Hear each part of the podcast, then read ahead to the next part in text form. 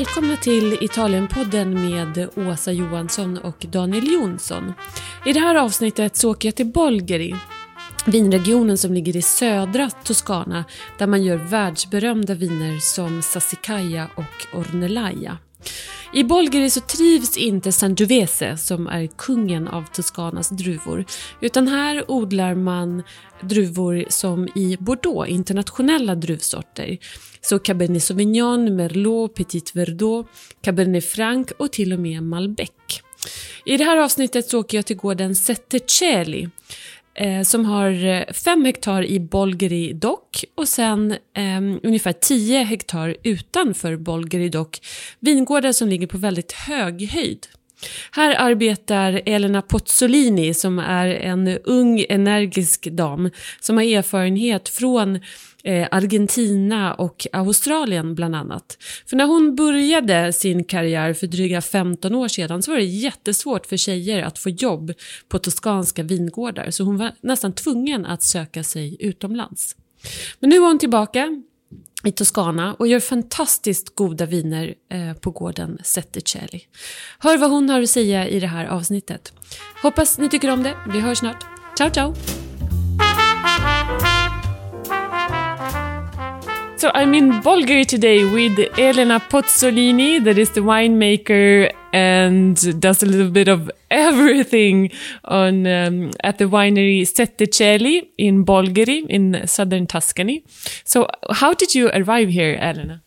Uh, so uh, I arrived here in 2013 after uh, a, a, big experience uh, around the world. So I started. I started obviously in uh, Tuscany, where I come from and uh, then for some uh, reason uh, even because uh, maybe i was uh, too young uh, and female it wasn't so easy for me to start in a male um, ward i decided to um, improve my knowledge and um, i started to work in in argentina first.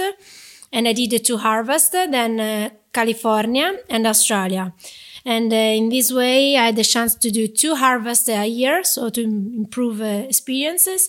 And then I saw different uh, reality, different world, and different approach, and that uh, helped me a lot to to understand um, better this uh, this uh, wine business, this wine making. Wine Did you dream about working with wine when you were a little girl? To be honest, no. Uh, my since I was a little, I was uh, fascinated about uh, agricultural. So when uh, after uh, the um, after school, I was uh, thinking to become a agronomist.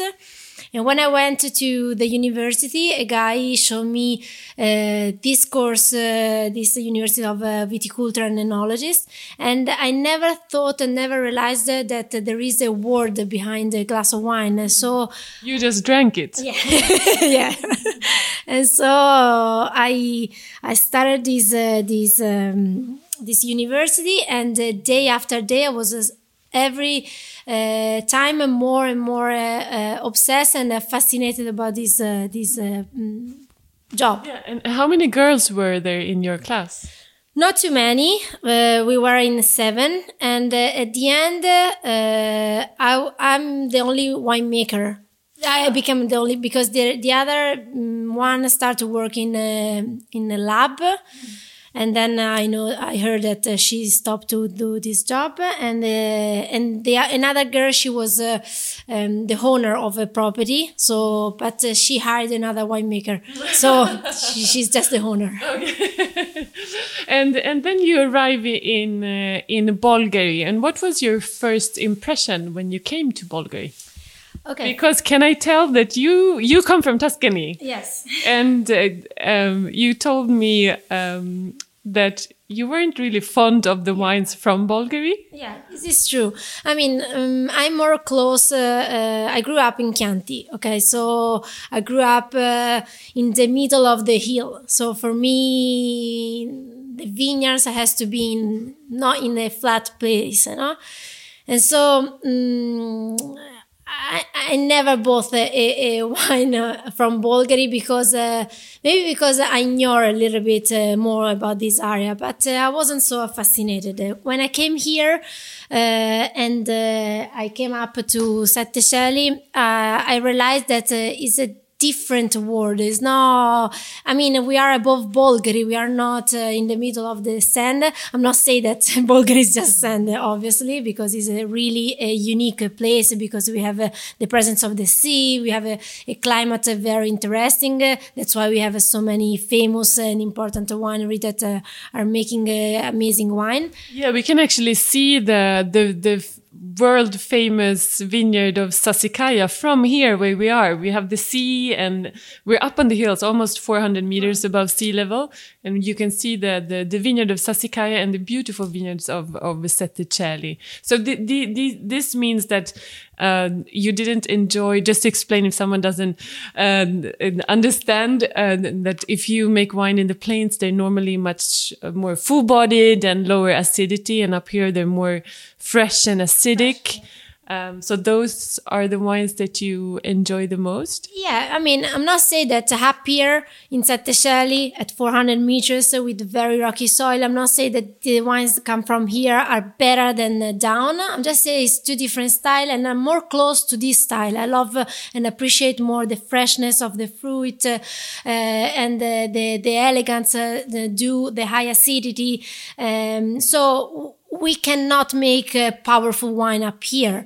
Uh, so it's two different style, but um, and it, it, seems to be in two different world because uh, uh, just to give you an idea, uh, in six kilometers down from Bolgheri to up to the hill, um, it takes one month of difference picking Merlot.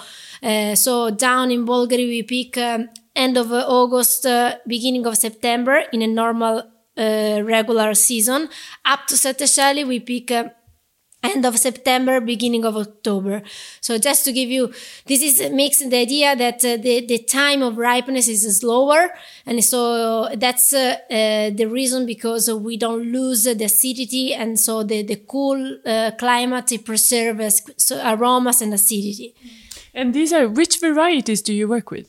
So we work with, um, Obviously, Cabernet Sauvignon, Cabernet, Cabernet Franc, and Merlot, which are the main uh, varietals that you find in the um, Bolgheri DOC. And we have a Malbec uh, because um, originally Malbec was in Bordeaux. So who planted at the beginning in 2001? He wanted to reproduce how it was originally in ah. Bordeaux. And, then, it's, and it's called Côt also in yeah, France, right? Yeah, yeah. And uh, then after a huge frost in Bordeaux, they grafted into Merlot because they realized that Malbec has uh, um, is very um, sensitive to humidity, so they suffer botrytis uh, because the skin uh, shows very thin and is um, sensitive to um, peronospora, mildew powder. No, yeah, yeah, yeah. and exactly, and um, it's quite interesting when you read about about Bordeaux that the right bank had more Malbec until the yeah. hard frost in 56, I yeah. think it was. Yeah, uh, Something like that. And then they took it away. so. so you find now in, uh, in Cahors, mm. south, or in Argentina. Mm. And I used to work in Argentina, and I was thinking. So I never worked with Malbec before because you don't find in Tuscany. And um, my first experience was in Argentina, and I was thinking that uh, Malbec was that one with a very thick skin, uh, um, not too compact uh, grape. Uh, but I only realized when I arrived at Sette Cieli that the reason that Malbec is like that is because it's a desert climate and they control the water with the irrigation.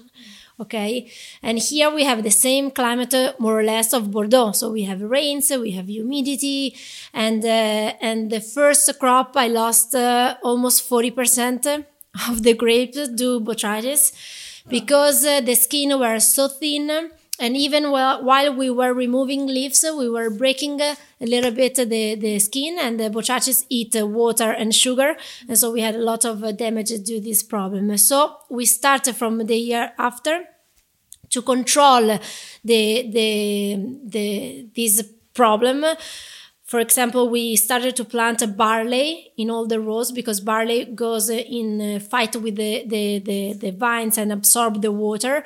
And we start to uh, export not in the last year because the sun is getting stronger and aggressive, but uh, uh, it's important that uh, it take it takes early the sun to get a thicker skin, and uh, we we are very very careful to to um, distrib- di- distribuire distribute Yeah, the distribute. the, the grapes uh, better because uh, it's very important that the cluster doesn't touch each other. Otherwise uh, you know is, is a problem. But uh, the reason that we still have uh, malbec and we planted more malbec is because at this climate we don't lose the typical aromas that is a very delicate. Uh, roses and violet is amazing but uh, and then when you taste it's so nice the contrast because it's so powerful.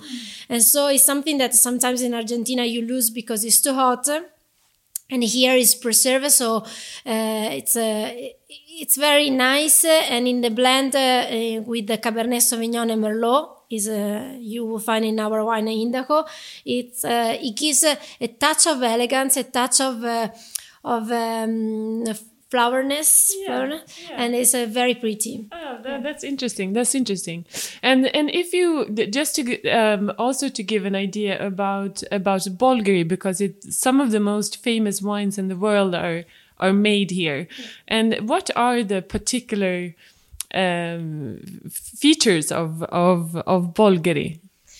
So, um, first of all, uh, I want to say that uh, even if uh, 90% of the vineyards come from uh, sea level uh, in a in a kind of a soil uh, that um, the percentage of sand uh, can be high, uh, the presence of the sea and the, the, the fact that we are also surrounded by the forest and the, and the hill, uh, it makes a microclimate very, very, very suitable in particular uh, for, um, for Bordeaux varietals. So that's why uh, it's the only area in Tuscany where you find Bordeaux varietals. So you don't find in, in obviously in uh, Chianti and uh, maybe since uh, 10 years ago, it was even tough to uh, bring these late varietals to the ripeness in an area like a Chianti. Now that is the climate has changed, maybe you can do it, but uh, but um,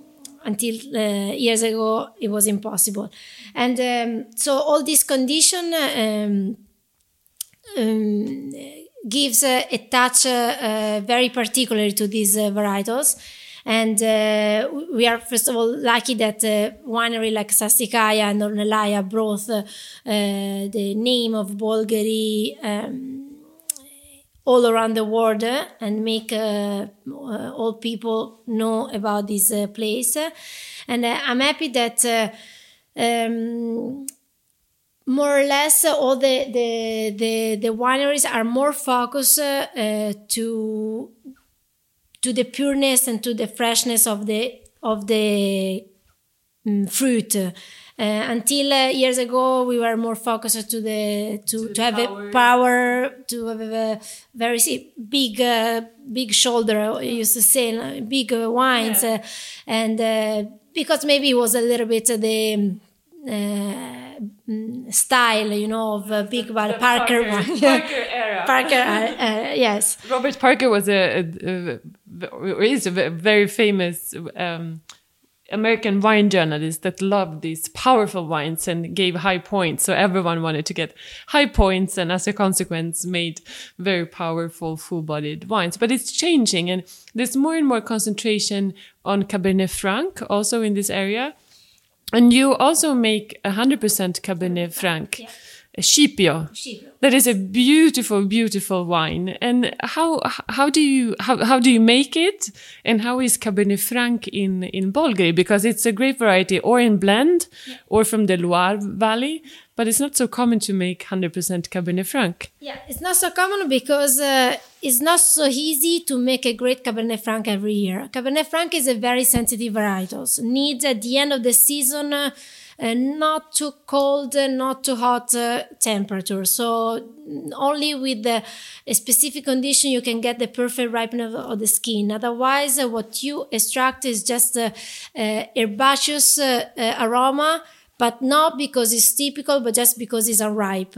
Or otherwise, you can lose uh, the freshness when it's too hot. Uh, you know, so uh, so that's why we don't make it every year, but only in the in the best vintages, uh, because uh, uh, we can we believe that Cabernet Franc is has a huge potential potential uh, is really a, a, great wine but uh, we are not close to the to it when uh, we don't feel to pers- to we don't feel the elegance that he have it has. Uh, sometimes from north italy or even from loire uh, you you smell two mm, two like herbaceous the green yeah mm. which is more pyrazine mm. but it's just because uh, the climate is too cold and it's tough to to reach you know the perfect ripeness. So um, in Bolgheri, you find a lot of uh, of uh, Cabernet Franc impurity um, our um, Cabernet Franc is a little bit different uh, just because the condition and the vineyards uh, are different. So we are uh, at high altitude. the climate, uh, the soil is very rocky with a very high percentage of uh, um, clay and um, and a lot of minerals. So you can feel these. Uh, so we usually pick um, within the second week of October.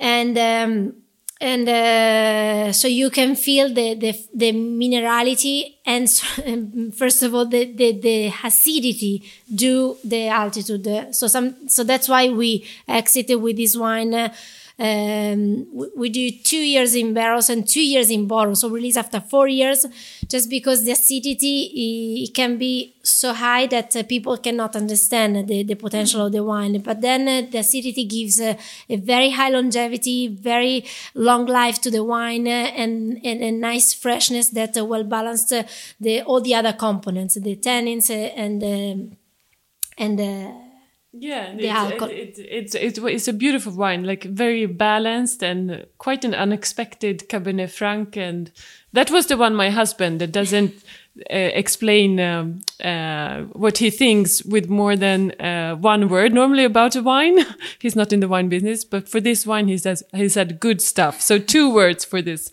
this wine. Um, so it's like a high point in uh, by Robert Parker, I think.